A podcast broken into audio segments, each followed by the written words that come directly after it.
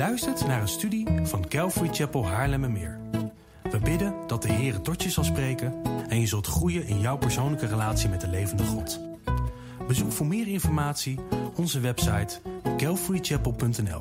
Dat is C-A-L-V-A-R-Y-C-H-A-P-E-L.nl.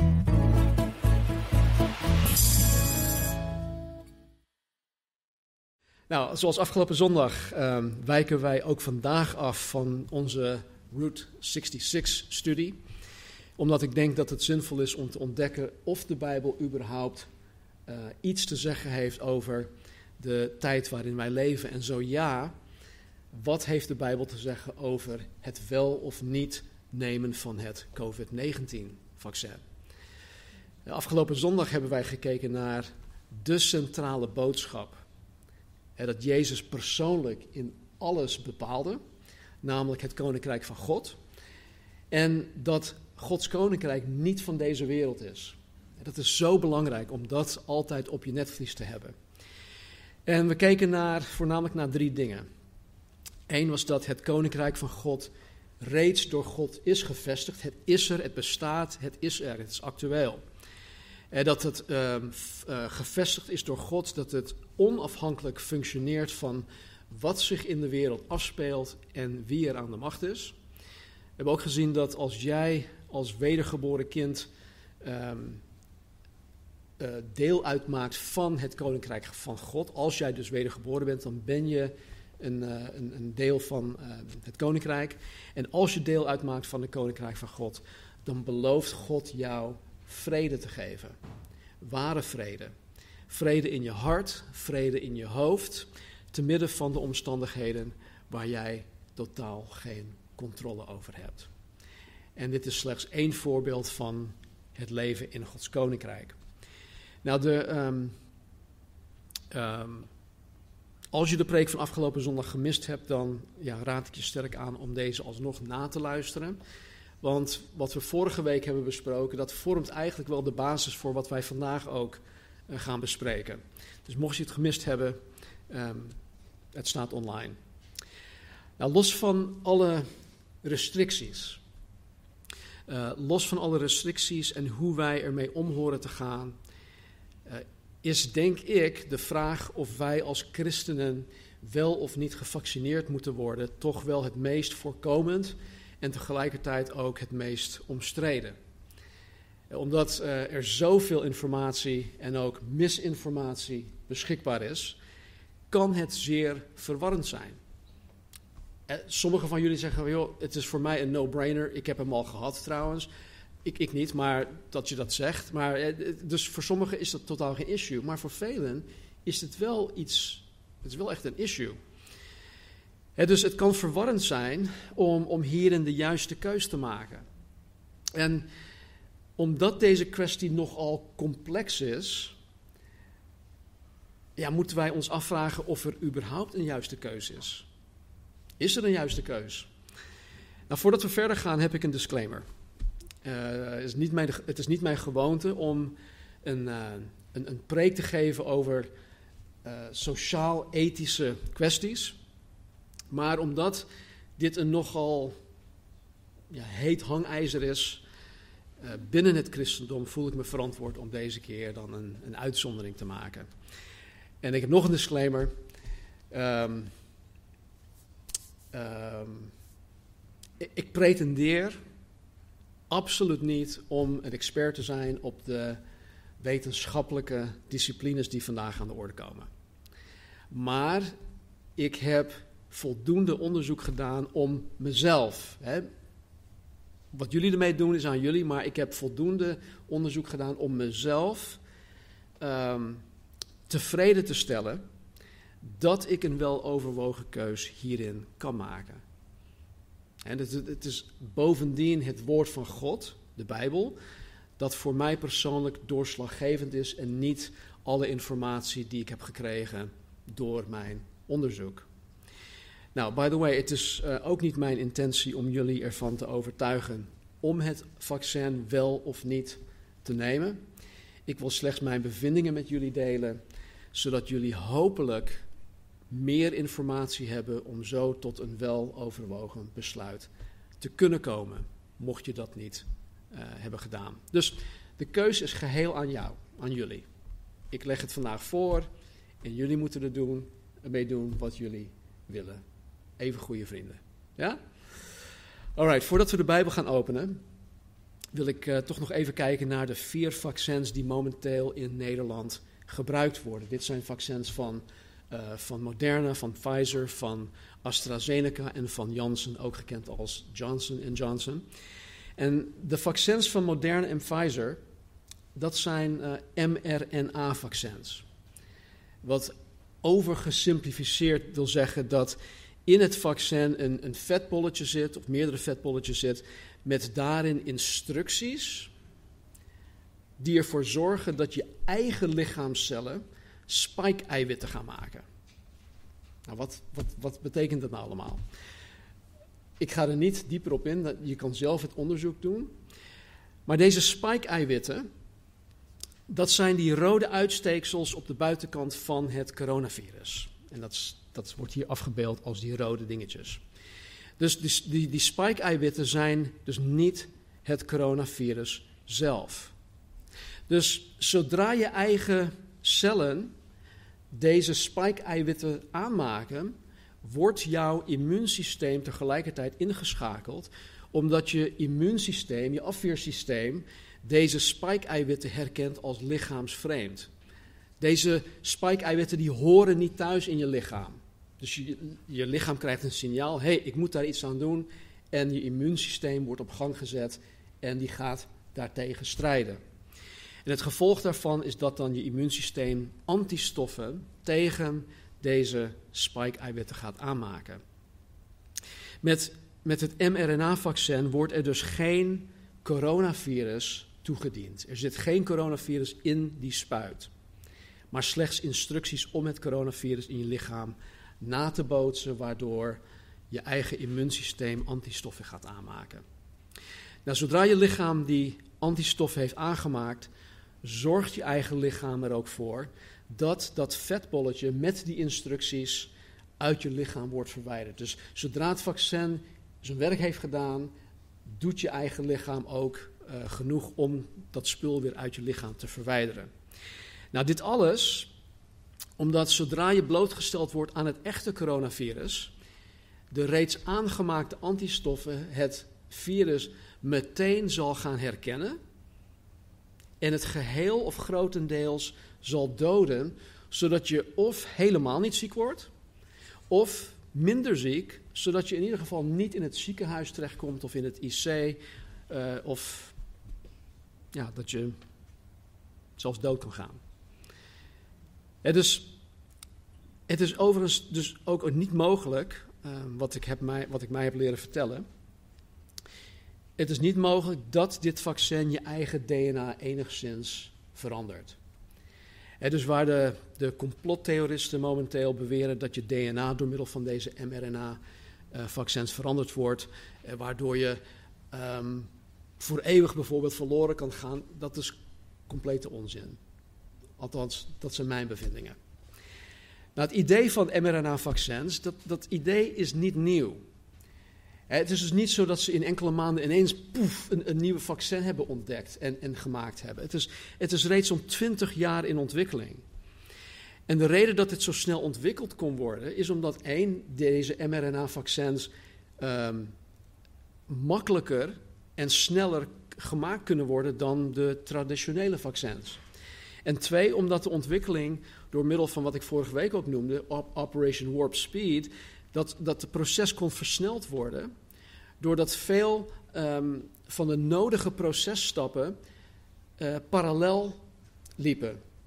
He, dus die stappen die konden gewoon uh, parallel genomen worden. In plaats van dat je eerst stap 1 doet en dan moet je heel lang wachten totdat stap 1 klaar is. Dan pas stap 2 en dan pas stap 3 en 4 en 5 enzovoort liepen die stappen gewoon parallel, wat het proces versnelde.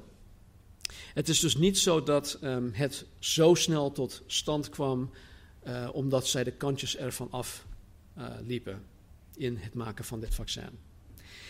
Nou, dat zijn dan de mRNA-vaccins. De vaccins van AstraZeneca en Janssen die zijn anders dan de mRNA-variant.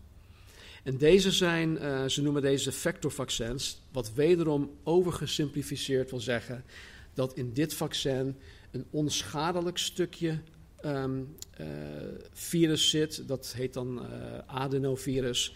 het is vergelijkbaar met een, met een verkoudheids, verkoudheidsvirus.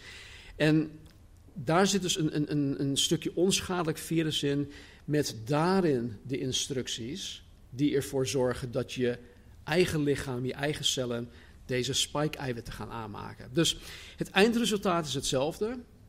Door de vaccins maken, maakt je lichaam deze um, spike-eiwitten aan, waardoor je immuunsysteem uh, geactiveerd wordt.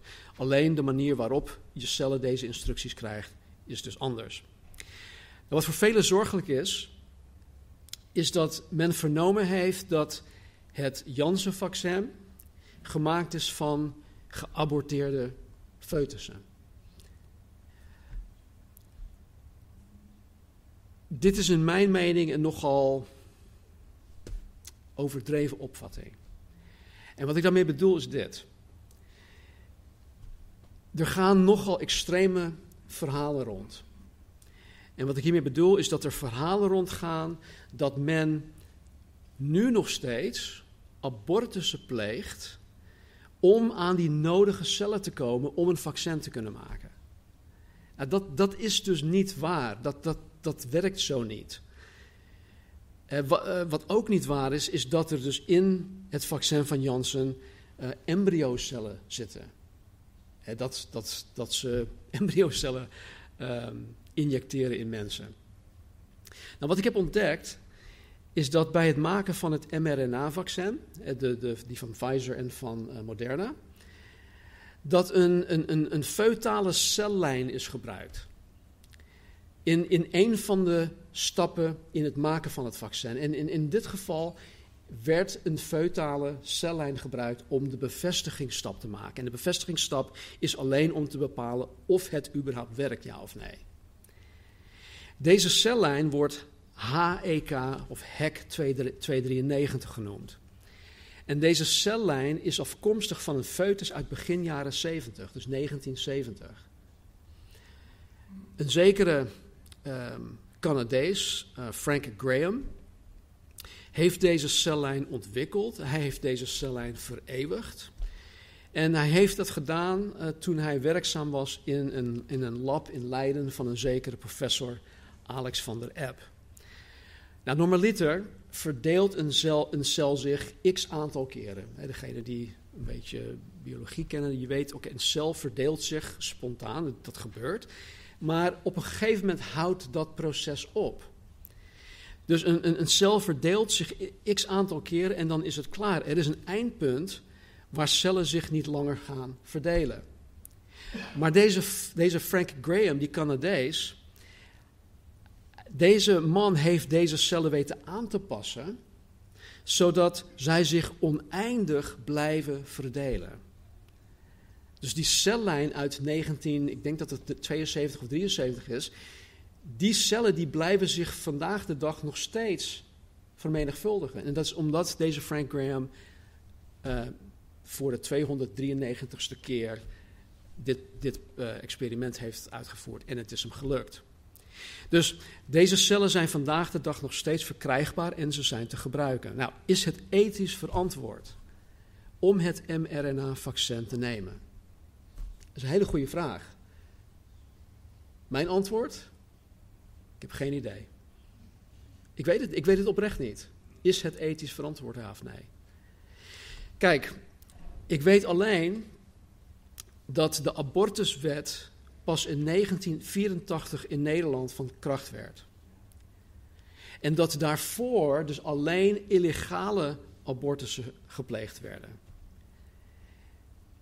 En deze cellijn is afkomstig van een, van een embryo uit begin jaren 70 hier in Nederland, in Leiden. Dus zeg het maar, jullie moeten hier zelf mee worstelen. Ik kan jullie geen antwoord geven. Ja, het is verantwoord. Nee, het is niet verantwoord. De oorsprong van deze cellijn is, is niet bekend. Degenen die hierover gaan, die, die, die, die informatie zijn ze of kwijt of ze zijn het vergeten. Vergeet niet, deze mannen, deze mensen zijn gewoon heel oud nu, die, die hieraan gewerkt hebben. Nou, wat ik ook heb ontdekt, is dat bij het maken van het vectorvaccin, met name die van Janssen, gebruik wordt gemaakt van een andere feutale cellijn. Namelijk, uh, dat heet de PER-C6. En ook deze werd in het lab van Alex van der Epp in Leiden ontwikkeld. En Janssen gebruikt deze cellijn in alle stappen van het maken van het vaccin. De ontwikkeling, de bevestiging en ook in de productie. Maar zover ik het begrijp, zitten er geen foetuscellen of embryocellen in het vaccin zelf. Nou, er is meer bekend over de oorsprong van deze cellijn. Deze cellijn is afkomstig van een foetus uit 1985. De moeder op dat moment wist niet wie de vader was en die had gekozen voor een abortus. Nou, degenen die, het gebruik, die gebruik maken, um, of nee, die het gebruik van deze cellijnen bepleiten, dus degenen in de medische en de wetenschappelijke wereld, die, die, die bepleiten het gebruik op basis van het argument dat de cellen die vandaag de dag gebruikt worden zo ver verwijderd zijn van de oorspronkelijke cellen, dat het goede dat eruit voorkomt het waargenomen kwaad rechtvaardigt. Ook vinden zij dat omdat zij zelf de abortussen niet per se gepleegd hadden, om die cellen te oogsten, het vergelijkbaar is aan het doneren van een orgaan. Dus iemand heeft een abortus gepleegd, waardoor het kindje embryo of foetus stierf. En daaruit hebben zij die cellen genomen om dit mogelijk te maken. Nou, ik had, van de week had ik hetzelfde, of had ik een gesprek met, ik dacht met een van mijn dochters was dat, met Kendall was dat. Uh, hoe moet je dat zien? Nou, kijk, als, als, als ik, of hè, ik, ik, ik stel de, uh, een vergelijking. Als jij, Kendall, een nieuw hart nodig hebt, en er is een, een, iemand van 25 jaar oud die hersendood is. Die is door een auto-ongeluk omgekomen. Die is hersendood. Die ligt in het ziekenhuis. Zijn of haar hart, die, dat, dat, werkt nog heel goed. Als jij dat hart nu neemt en jij krijgt het en je, kan nu nog 50, 60, 70 jaar lang leven. Dan denken wij, ja, ja natuurlijk, natuurlijk dat, is, dat is logisch. Uh, iemand kan zijn of haar organen doneren om dat mogelijk te maken. Nou, Kendall heeft, heeft er niet voor gezorgd dat, zij, dat die persoon, zij heeft die persoon niet vermoord om aan dat hart te komen. En dus zo, dus dat is dezelfde beredenering dat die mensen uh, die die cellijn maak, hebben gemaakt en die de cellijnen vandaag de dag nog steeds gebruiken, dat is dezelfde beredenering.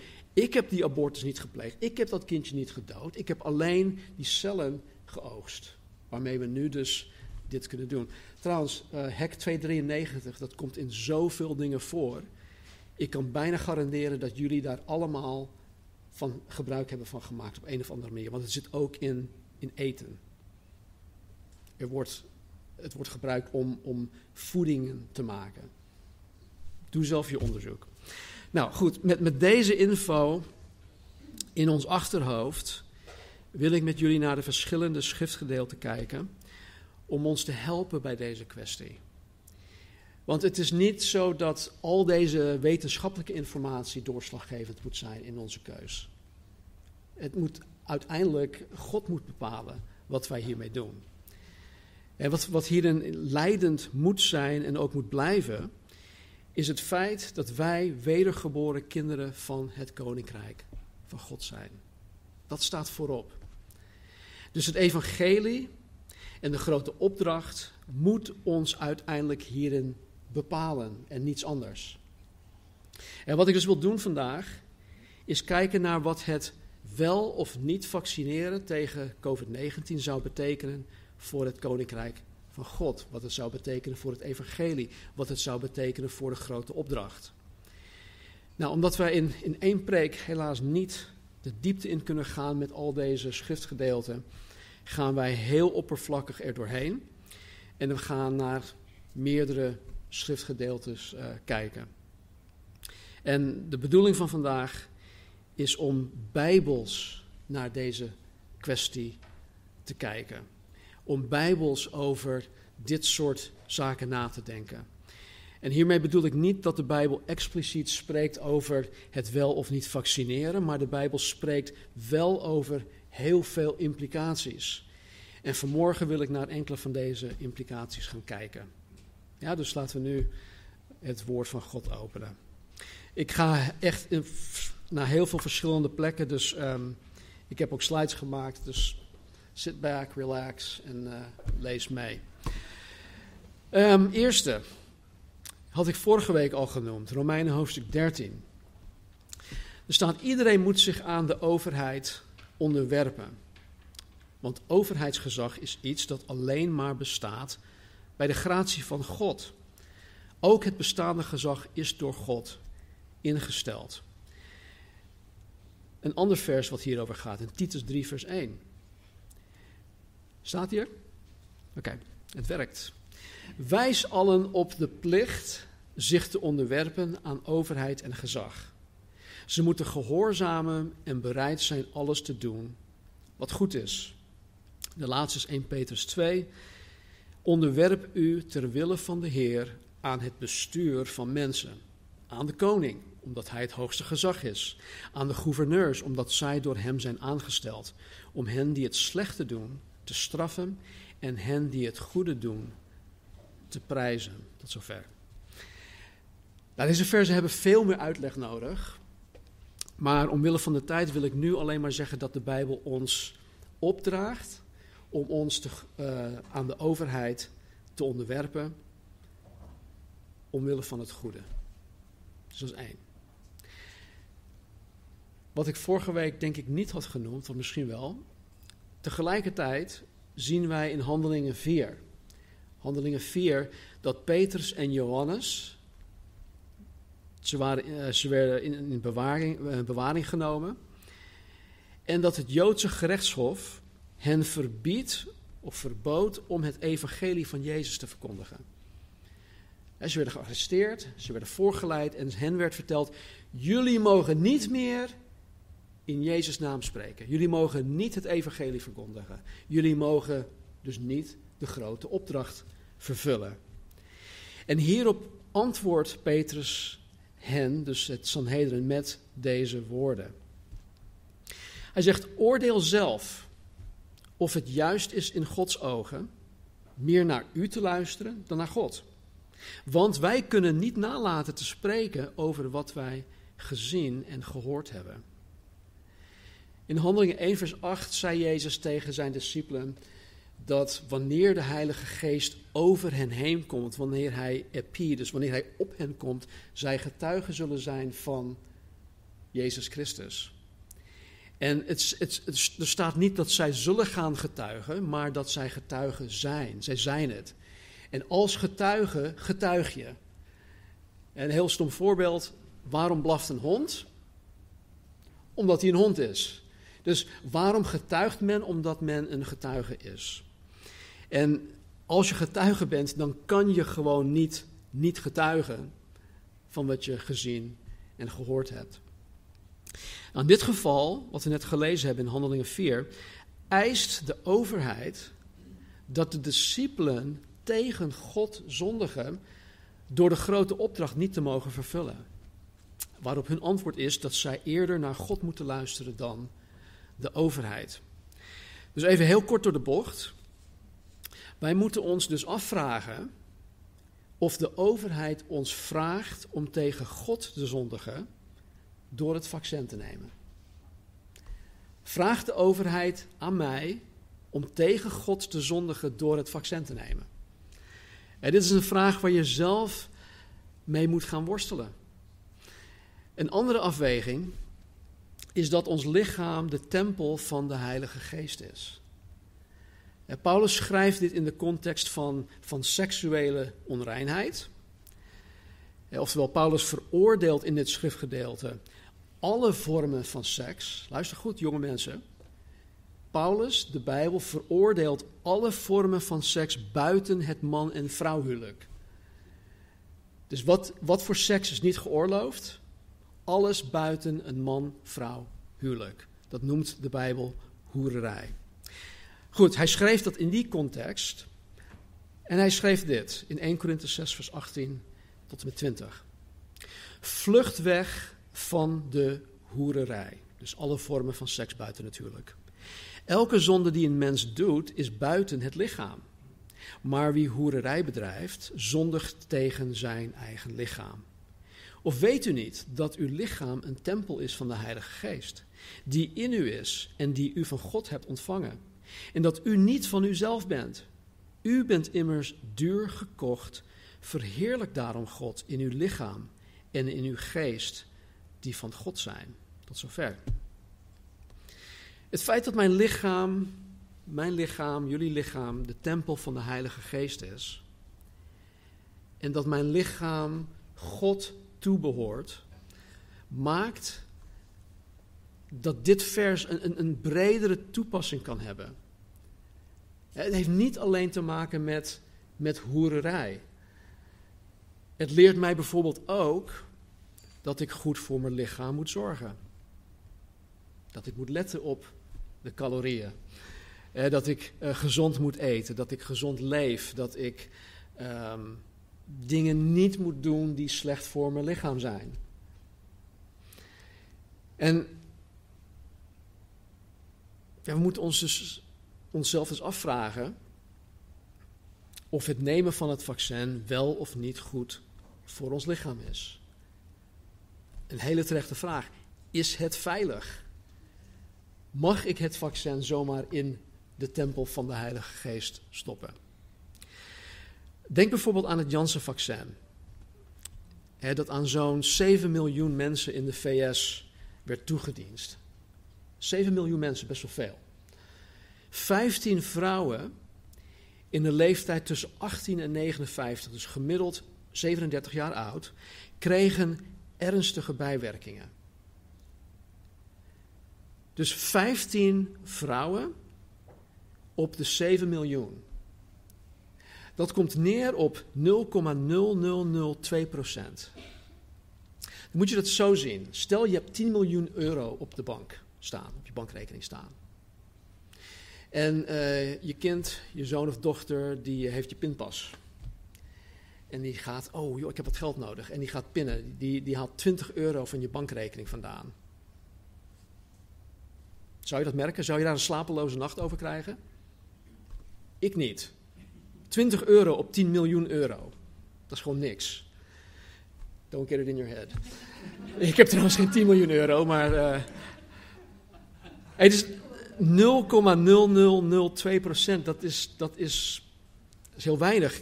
Kijk, en hierdoor had het FDA in Amerika en het EMA in Europa een pauze ingelast. Omdat 15 vrouwen ernstige bijwerkingen kregen. Het Janssen-vaccin mocht niet meer gegeven worden. Het mag inmiddels weer. Want in hun optiek woog het eventuele kwaad niet op tegen al het goede dat het vaccin teweeg bracht of brengt. wat je ook mee moet nemen, wat je ook mee moet nemen, is dat als het FDA en het EMA dezelfde maatstaven zou hanteren bij alle andere medicijnen, inclusief bijvoorbeeld paracetamol, dan zou je zowat alles uit de schappen moeten halen. Ik, weet, ik, word, ik word er zo bang van als ik al die bijsluiters lees bij je medicijnen. ik, ik, ik gebruik verschillende medicijnen en dan heb je zo'n klein doosje met zulke kleine pilletjes. En dan heb je zo'n lap tekst waarvoor je een vergrootglas nodig hebt om te lezen met allerlei bijwerkingen, mogelijke bijwerkingen. Je wordt er niet goed van. Maar goed, ook dit is iets waar je zelf uit moet gaan komen. Dus doe het nodige onderzoek en laat je niet leiden door alle ruis om je heen. Is het veilig voor jouw lichaam, de tempel, de verblijfplaats plaats van God, de Heilige Geest? Zoek het uit. Nog een belangrijke afweging is het volgende.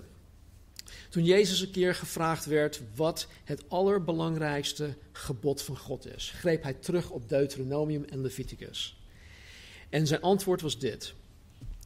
U zult de Heere uw God liefhebben met heel uw hart, met heel uw ziel en met heel uw verstand. Dit is het eerste en het hoogste of het grootste gebod, grote gebod. En het tweede hieraan gelijk is dit. U zult uw naaste liefhebben als uzelf. Even iets anders, maar het liefhebben van onze naasten als onszelf betekent niet dat wij eerst moeten leren om van onszelf te houden. Dat wordt heel vaak genoemd. En dit is een foute psychologische verdraaiing van wat de Bijbel ons hier in dit stukje leert. De Bijbel gaat ervan uit dat ieder egoïstisch mens, want dat zijn wij, al van zichzelf houdt. Ehm, dus hoe wij van onszelf houden, in de zin van hoe wij voor ons eigen ik zorgen, zo horen wij dan ook van onze naasten te houden. En dan is de vraag: zou het een blijk van naastenliefde zijn als ik een vaccin neem dat ervoor zorgt dat ik geen COVID-19 krijg, waardoor ik mijn naasten er mogelijk niet mee zou besmetten? Is dat een blijk van naastenliefde? Is het een blijk van naastenliefde als ik dit doe om te voorkomen dat mijn naasten bijvoorbeeld in het ziekenhuis belanden of in het IC of in het ergste geval dat zij sterven? Kijk, ik zeg hiermee absoluut niet dat je het vaccin op basis hiervan moet nemen. Ik zeg alleen, neem dit mee in je afweging. Dit zijn bijbelse dingen. Neem het mee in je afweging. Een andere afweging is dat de Bijbel ons leert dat al het goede van God zelf komt. Al het goede komt van God. Elke goede gave, ieder volmaakt geschenk, volmaakt geschenk komt van boven, van de Vader, de schepper van de sterren aan de hemel. Hij kent geen verandering en vertoont geen schaduwwijze. God is onveranderlijk en hij is onveranderlijk goed. En alles dat goed is, komt bij hem vandaan. Nou, ik persoonlijk, mijn mening, mijn beleving, mijn ervaring, ik vind moderne medicijnen geweldig. Althans, degene die ik mag gebruiken. Ik vind ze echt geniaal dat mensen dit hebben kunnen doen om mijn leven gewoon beter te maken. Of mijn leven niet beter te maken, maar dat ik überhaupt nog mag leven. En dan een beetje normaal mag leven. Want zo normaal ben ik niet. Nee. Kijk, ik, ik ben God echt dankbaar. Ik ben God dankbaar voor bijvoorbeeld mijn schildkliermedicijn. Ik heb een trage schildklier. Als ik mijn medicijnen niet inneem voor een x aantal weken, joh, dan, dan kan je hem gewoon van de grond op, uh, oprapen. Ik, ik ben echt, ik kan echt niks meer. Dus ik ben God echt dankbaar voor mijn schildkliermedicijn. Ik ben God ook dankbaar voor mijn bloeddrukmedicijn. Want ja, als je vier dochters hebt, gaat je bloeddruk gewoon spontaan omhoog. Ja, ik moet maar die pillen blijven slikken. Nee hoor, gekkigheid. Wacht jullie maar, John eh, en uh, anderen die dochters hebben. Ik ben God dankbaar. Ik zie medicijn als iets goed. Ik zie dit als iets goeds dat God mij gegeven heeft. Door middel van de moderne medische wetenschap. Ook ben ik God dankbaar voor de moderne geneeskunde. En wat tegenwoordig allemaal wel niet mogelijk is, is zeer indrukwekkend. Nogmaals, ik zie dit als iets goeds dat God gegeven heeft. En als het vaccin helpt bij de bestrijding van het coronavirus, als het ons zou beschermen tegen ernstig ziek worden of zelfs de dood, moeten wij het vaccin zien als iets goed, moeten wij het zien als een zegen van God. En ook hierin moet je je eigen conclusies trekken. Ik haal dit allemaal gewoon door deze filters heen en jullie moeten daar zelf over beslissen. En als laatste, hoe, hoe zit het met het evangelie als afweging? Het evangelie is, is, het, is het allerbelangrijkste. Het kruis van Jezus Christus is, is, is het, het centrum van het hele heelal. Alles draait om Jezus Christus en het kruis. Wat leert het evangelie ons dan over hoe wij horen te leven? Over hoe wij ons leven horen te zien, hoe wij in het leven horen te staan. En wat voor implicaties heeft dit voor het wel of niet nemen van dit vaccin? Kijk, vergeet niet. Jezus heeft zichzelf gegeven om voor ons aan het kruis te sterven. Ik weet dat dit een heel gewoon iets kan worden om dit te horen. Maar Hij, Jezus, heeft voor onze zonde onze doodstraf op zich genomen. Jezus heeft de prijs betaald. Hij heeft ons met zijn leven, met zijn bloed en met zijn dood gekocht. Hij heeft ons duur gekocht. En het kruis van Jezus staat centraal in het evangelie. En het kruis van Jezus Christus bepaalt hoe wij horen te leven. Hoe wij ons leven hier op aarde horen in te richten. Hoe wij ons leven hier op aarde horen te leiden. En dus wat heeft het kruis hierover te zeggen? Nogmaals, terug te, uh, teruggrijpend op 1 Korinthe 6, um, dat stukje over um, het feit dat ons lichaam de tempel is van de Heilige Geest. Er staat, jullie zijn niet meer van jezelf. Jullie, dus wij christenen, wij zijn niet meer van onszelf. Jullie zijn nu van Christus. Want Hij heeft jullie gekocht door voor jullie te sterven. Eer God dus ook met je lichaam. Eén implicatie van het evangelie, van het kruis, is dat wij die wedergeboren zijn, Jezus Christus toebehoren. Wij behoren Hem toe. Wij zijn niet van onszelf meer.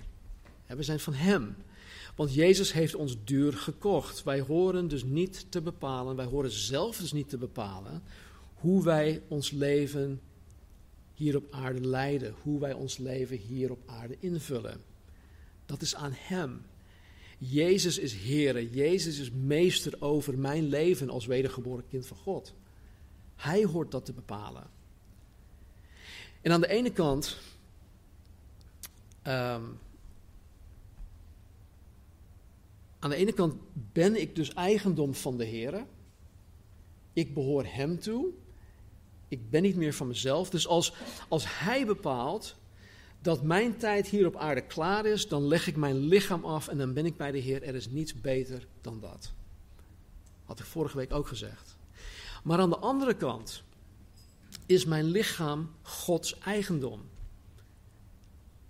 Mijn lichaam is Gods eigendom. Hij heeft mij gekocht. Dus moet ik. Ik, ik moet een goede rentme, rentmeester zijn van zijn eigendom. Het is Gods eigendom en ik moet daarvan een goede rentmeester zijn. Ik moet dus geen onnodige risico's nemen die mijn lichaam eventueel zou kunnen schaden. En natuurlijk maakt het uiteindelijk niet uit, want dit lichaam is tijdelijk. Maar God heeft het aan mij toevertrouwd en dus moet ik er zorgvuldig mee omgaan. Nou, wat hier nou aan verbonden is, is wat de apostel Paulus aan de Filippenzen schreef. In Filippenzen hoofdstuk 1, vers 21 tot en met 24.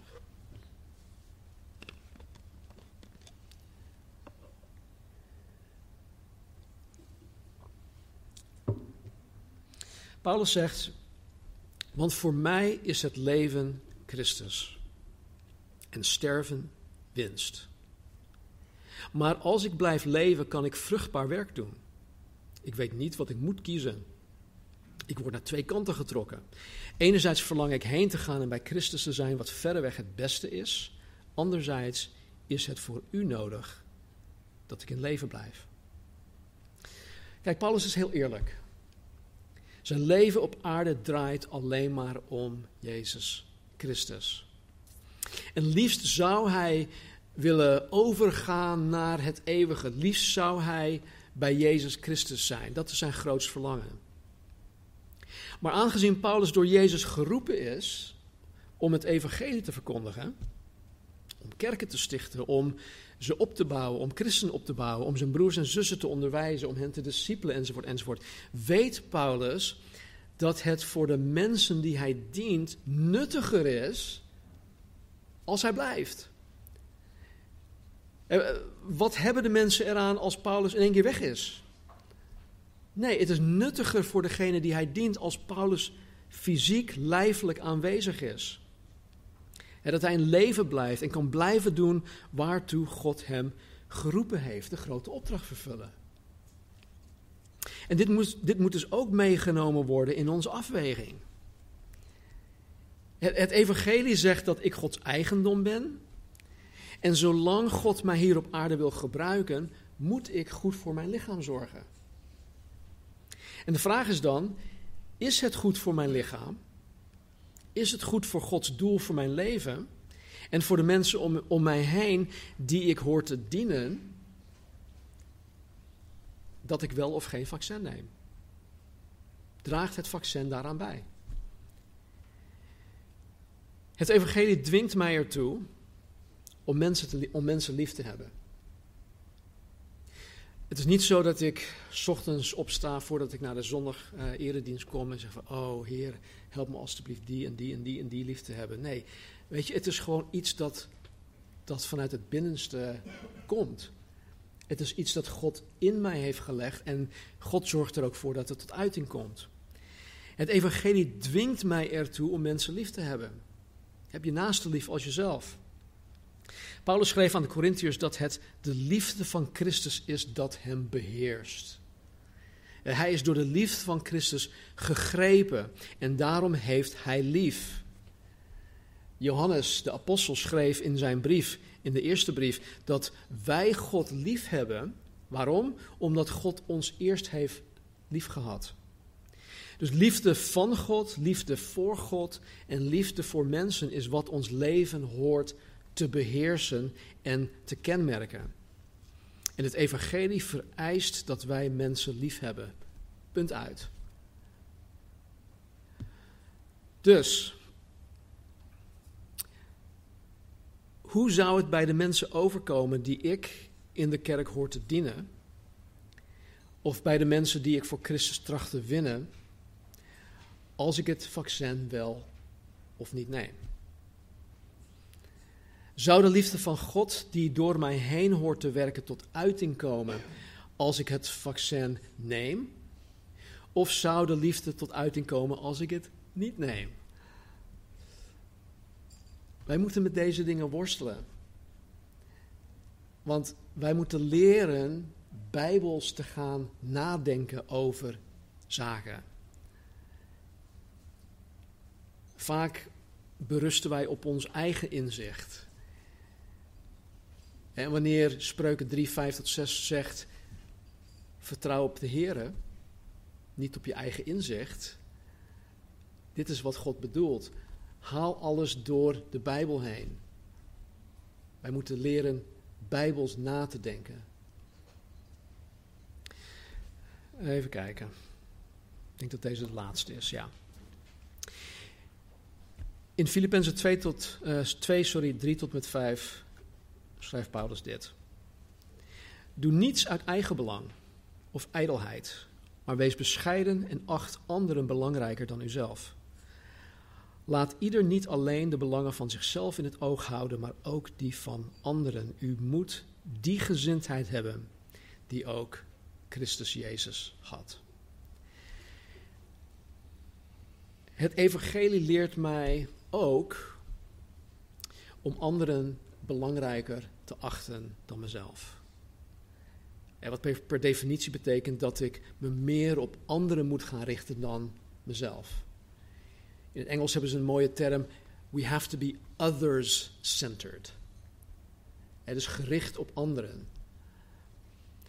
Dus als ik anderen belangrijker acht dan mezelf en als het vaccin mij beter in staat stelt om me op anderen te richten,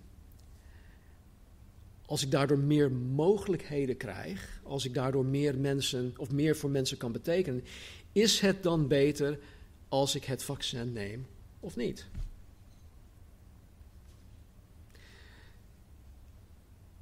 Kijk, mensen hebben vragen over het vaccin. Moet ik het wel nemen, want we weten nog niet wat de lange termijn effecten zijn?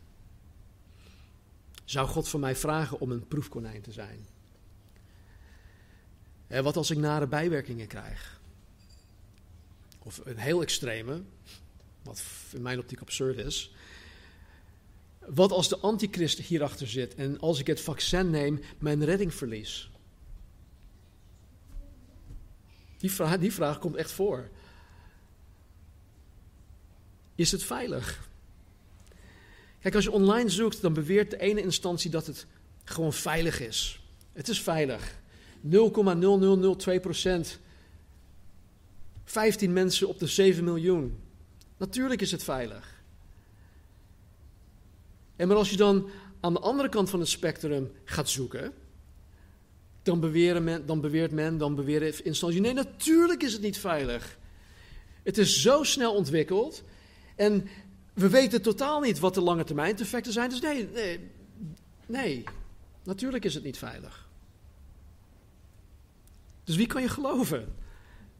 Wie moet je geloven? Kijk, wat voor vraag je ook hebt, je moet voor jezelf een keus maken om iemand te gaan vertrouwen. Er moet een autoriteit zijn in jouw leven waar jij je aan kan onderschikken. Die jij kan vertrouwen. Kies je ervoor om bijvoorbeeld de overheid, het RIVM, EMA of, of het FDA te vertrouwen? Doe dan wat zij zeggen.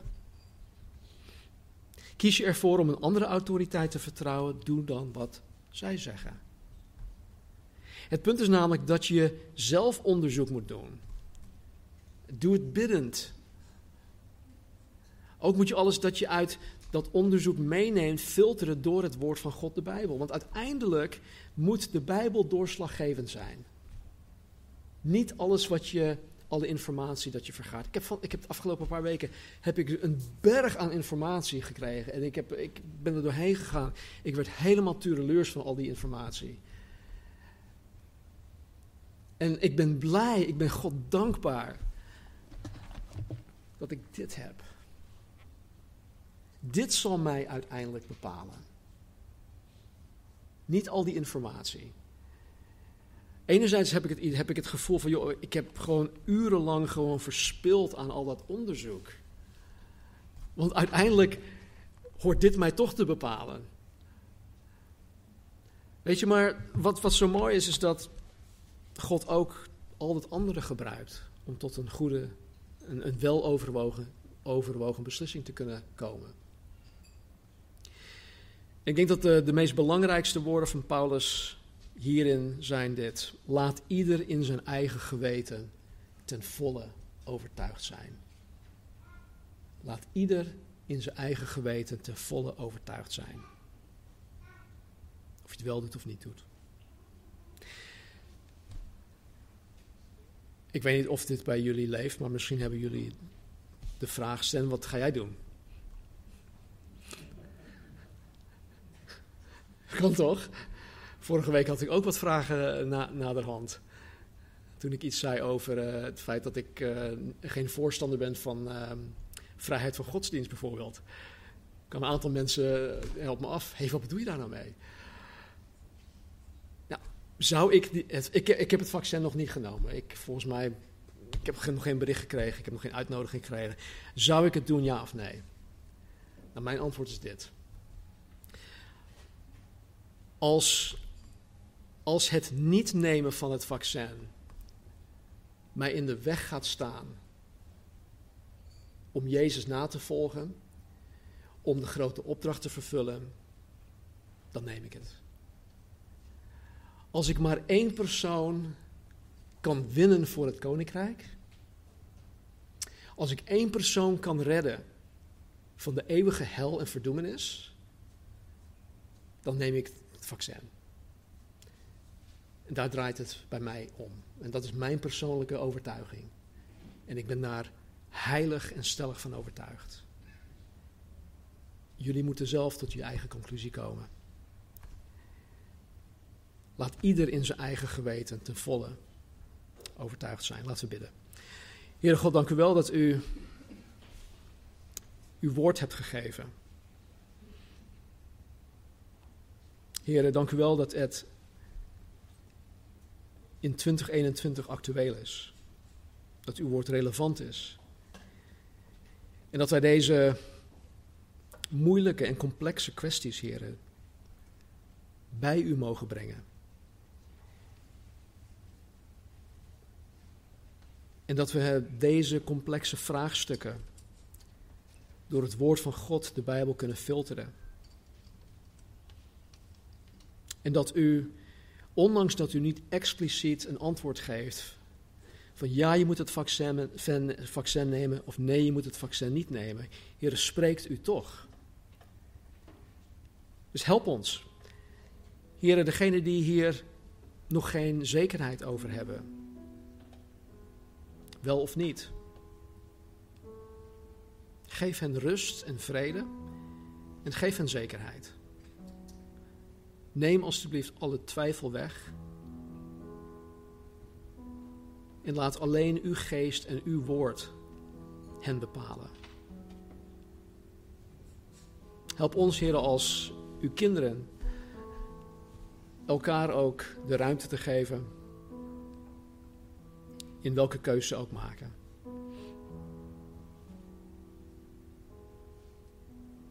Dank u wel voor uw trouw. Dank u wel voor alle goede gaven die u ons geeft.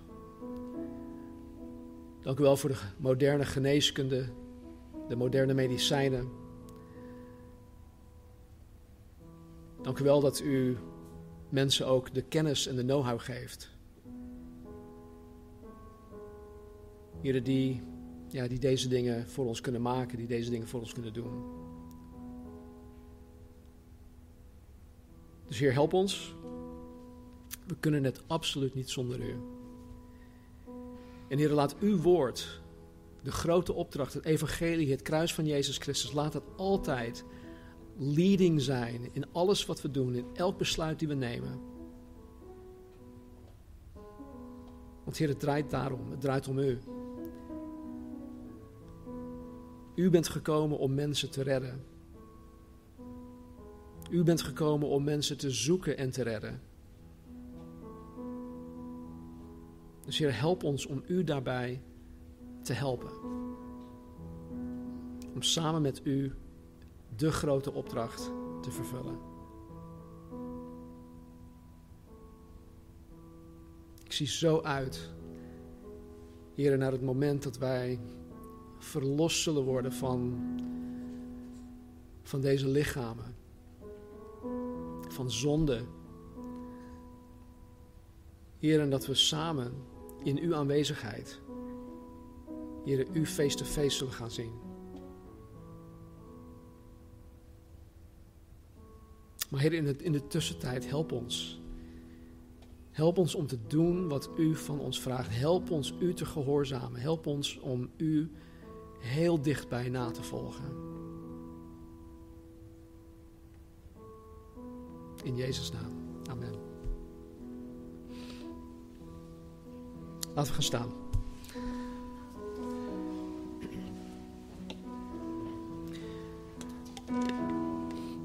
Mogen de Heren van de vrede zelf u voortdurend vrede geven. Op allerlei wijzen. En de Heren zijn met jullie allen.